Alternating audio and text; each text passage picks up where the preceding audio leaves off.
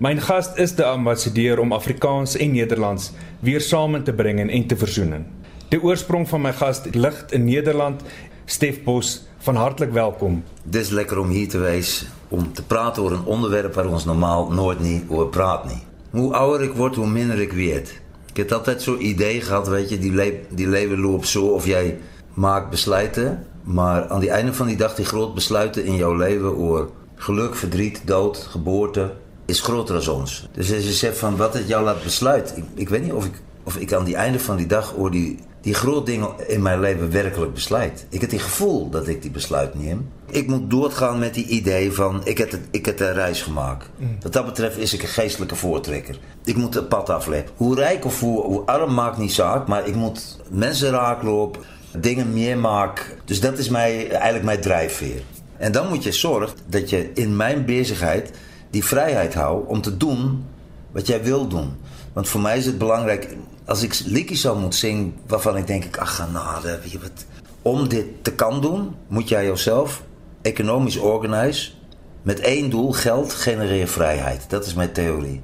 Op het moment als, als geld jou gevangen begint houden en jouw vrijheid vat, is die ergste. Wat ik al gezien heb bij rijk mensen. Al die geld van die wereld het en dat is doodongelukkig. Want dat is vastgevangen door die geld, door die mammon, hè, zoals we dat in die Bijbel noemen. En mijn pa had mij geleerd van, weet je, geld is, is functioneel, wees verstandig. Dus dat is een, balans. En zeker in mijn bedrijf en bezigheid is het goede boekhouden en te zien waar jouw mogelijkheden is. Overseas, België, Nederland is het 24 miljoen mensen die diezelfde taal praten. Op het moment, ik heb altijd een constante gehad, uh, vanaf die begin dat ik begin van, van uh, gehoor, uh, aanwezigheid van gehoor in die zalen. Nou is het nog meer, dat heeft enorm gegroeid de laatste jaren.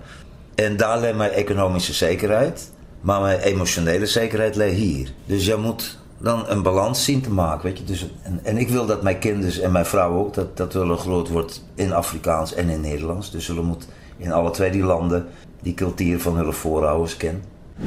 Ul Swarts is van 'n jong ouderdom af deur sy familie en vriende die troetelnaam Early Bird gegee. Vandag ken ons hom as die vermaaklikheidster wat van Bloemendal af kom in Klebega en hy is bekend as Early B.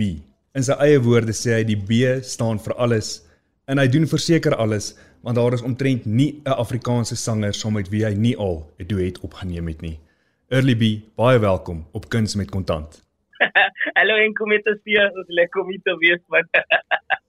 Early B, onlangs het jy 'n aanhaling wyd versprei op Facebook en op Instagram en op Twitter waarin jy vir die mense sê ek sien die ouens jaag dit, maar ek is in my loopbaan. Met ander woorde, nie 'n hardloopbaan nie. Jy sê mm -hmm. luidkeels dat jy het genoeg gehad en dat jy in 'n uh -huh. baie gelukkige ouer huis groot geword en ek kuier ook nou baie lekker saam met jou in jou ouer huis.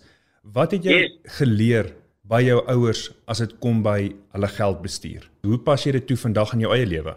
Een ding wat ek wil sê is my ma het my al van kleins af geleer, like jy kry jou spending geld in die skool toe gaan en so. Daar kom tye wat wat ek my geld voor die einde van die week geblaas het en my ma het my altyd gesê het like, "Okay, nou moet jy either 'n plan maak volgende week gaan ek jou nou die gee. Ek hou nie meer gee nie. Ek hou die gee.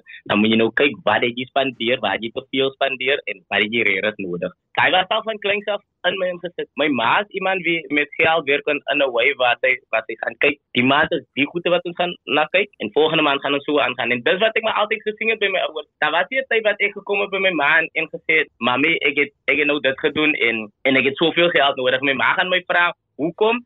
Wat is die rede toe ek nou my eie geld begin kry? Dan sal ek myself vra vra soos en wat gaan ek maak met dit? Ek gaan nou 'n Civic koop. Wat gaan ek maak met die Civic? Hoeveel gaan ek uithaal op die Civic? En dan as ek die Civic miskien gaan verkoop, hoeveel gaan ek terugmaak op dit? Verstaan jy wat ek sê? So alles moet gejustify word en en en ek voel daai was iets wat ek gekry van my ouers af om mooi te werk met my geldjies vorentoe. My maat, die drome wat ek vir myself sien is ek wil myself in 'n posisie sit waar ek na my familie nog beter kan kyk, waar ek na ander kunstenaars kan help om na hulle families te kyk. Ek voel ek is 'n baie positiewe persoon, net om die positiwiteit te deel met my musiek sodat dit ander kunstenaars kan ook influence om die positiwiteit te deel. Hy dra gebreide truie wat hy spesiaal laat maak. Suid-Afrika se snorseun lyk asof hy uit in die 1970s modetydskrif geklim het. Hy speel hmm. rolbal op kompeterende vlak en van sy lekkerste geselskap vind hy in vriende wat so oud soos RSG is, 85 jaar en ouer. Hy is 30 jaar oud en het al op verskeie platforms genoem dat hy RSG se getrouste en grootste aanhanger is.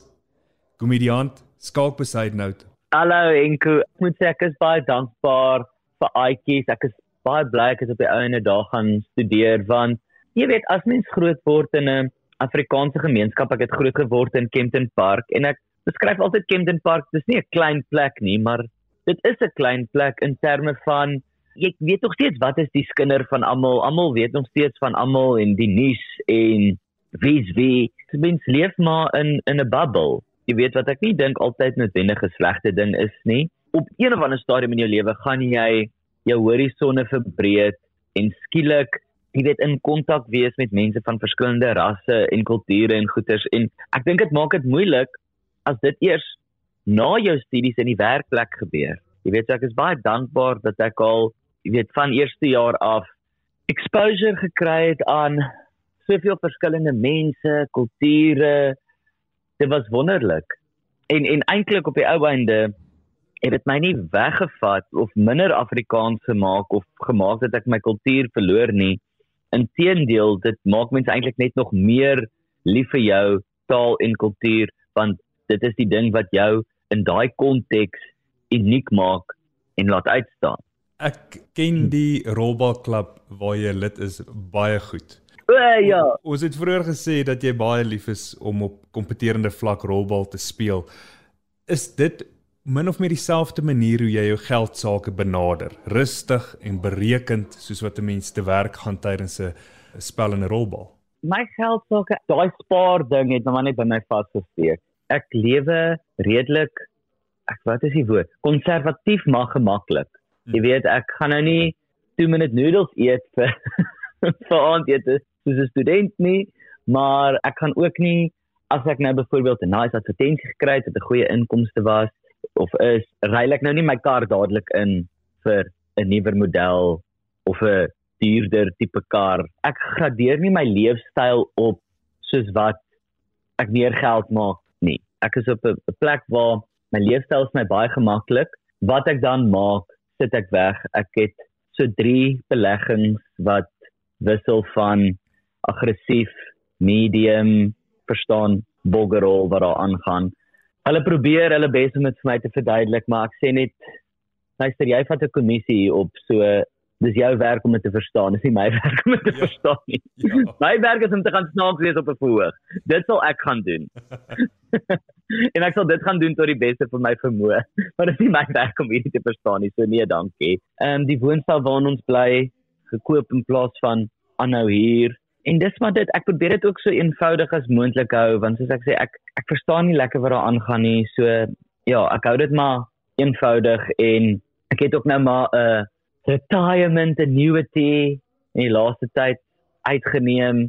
So ek sit maar die goed in plek. Ek het ek het 'n testament in plek gesit wat 'n uh, baie depressing Zoom call was om te doen by 'n comedy festival in Edinburgh. Ek moes maar gewag het tot na Edinburgh. Miskien is dit die rede hoekom ek so depressed was die eerste week wat ek hier was want jy weet hier sit ek ek is veronderstel om elke aand in 'n goeie by te wees en mense te laat lag maar hier word ek gevra in 'n Zoom call wil jy begrawe of veras word ek het nou 30 geword ek het glad nie daaraan gedink nie so ek sê te vir die ou nee jy sê ek ek weet nie. Ek weet nie wat wat ek wat ek wil doen nie. Op hierdie stadium berus daai keuse by my verloofde wat nou in Desember my vrou sal wees. Ons sal maar sien wat sy besluit.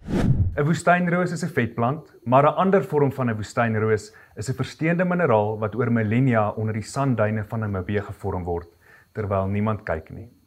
My gas vandag is iemand wat stilweg terwyl niemand gekyk het nie, 'n gedaanteverwisseling ondergaan het vanaf 'n woestynmeisie tot die grootste superster denkbaar. Juanita Du Plessis. Kyk, daar's 'n passie vir musiek in my hart en die Here daai passie daar gesit. So een of ander tyd sou ek iewers al is dit dan nou in Namibië. Kyk, ons het daar in 'n band gespeel. So al het ek dan nou vir altyd in die band gespeel en net gesing, sou dit ook my oukei gewees het, maar ja, ek was 'n sekretaresse gewees by 'n vervoermaatskappy vir 4 jaar en groot drome gehad op daai stadium vir vir die toekoms. Toe was daar 'n 'n kompetisie op op een van die radiostasies in Namibië. 'n liedjie-skrywer kompetisie. Van my vriende sê toe vir my, "Maar skryf jou liedjies in." En ek dog toe, "Ag nee man, dis stupid liedjies. Dit ek weet nie of mense daarvan gaan hou nie." Lank storie kort, ek het toe nou maar 3 van die liedjies ingeskryf in die kompetisie en op die einde van die dag toe het al 3 liedjies onder die top 10 geëindig. Weet toe ek geweet u iets wat dalk is ietsie wat die mense van hou. Dalk dalk is daar iets wat ek mee weet verder kan gaan ek dink die aand met die met die prysuitdeling van die liedjie kompetisie want dit was nogal 'n groot ding en op die aand van die prysuitdeling toe iemand van 'n platenmaatskappy na my weer na my toe kom stap en gesê hier's my kaartjie bel my ek het net twee Afrikaanse liedjies gehad en hulle het dit toe al twee afgegooi gesê nee die album moet net Engels wees um, want Afrikaanse musiek verkoop nie. Daar's nie 'n mark vir Afrikaanse musiek. So ek het toe net hulle gevra kan ek asseblief die album in Johannesburg kom opneem. Daai tyd was dit uh, Kevin Kruger was die producer. My man Doopie het um so in my geglo daai tyd waarvoor ek baie bly was want ek het nie altyd saam met hom gestem nie. Mense is mos nou maar onseker en al die liedjies is klaar opgeneem en dit klink mooi en ek's baie opgewonde en ek sê toe vir my ek het hierdie een liedjie waaroor ek 'n baie goeie gevoel het. En hy sê toe maar speel vir my die liedjie en ek sing ek dink ek het die koor of iets vir hom gespeel en hy sê toe vir my daai sang moet op die album wees. Ja. En ehm um, toe sit ons hom op die album as 'n bonussnit. Weet dit was net iets wat ek gevoel het ek hou daarvan en ek wil hom graag op die album hê. En toe sit ons hom op as die bonussnit op ek en jy. En ek sou wat wou gee om te weet watter persentasie bydra daardie liedjie Skarumba tot jou handelsnaam as Juanita Du Plessis hmm. en tot jou inkomste in geheel bygedra het oor die afgelope 25 jaar van jou loopbaan? Ek moet vir jou sê dit was vir ons 'n baie groot hupstoot die liedjie. Okay, ek het baie vuur en passie in my gehad daai dit ek het weet ek het geweet daar's 'n doel en daar's 'n rede hoekom ek hier is en hou aan probeer. Mens moenie dink omdat jy daar in Gobabe sit en alles gebeur in Suid-Afrika dat dat dit nie vir jou moontlik is nie. Dit klink soos 'n klise en ek kom elke keer terug daarna toe maar vir die Here is alles moontlik en as dit vir jou bestem is, as dit vir jou bestem is om om in hierdie rigting in te gaan waar jy verskil kan maak en dan gaan dit gebeur, dan gaan die deur vir jou oopgaan. As daai passie in jou hart is, dan is dit daar vir 'n rede en dan sal die deure op die regte tyd oopgaan.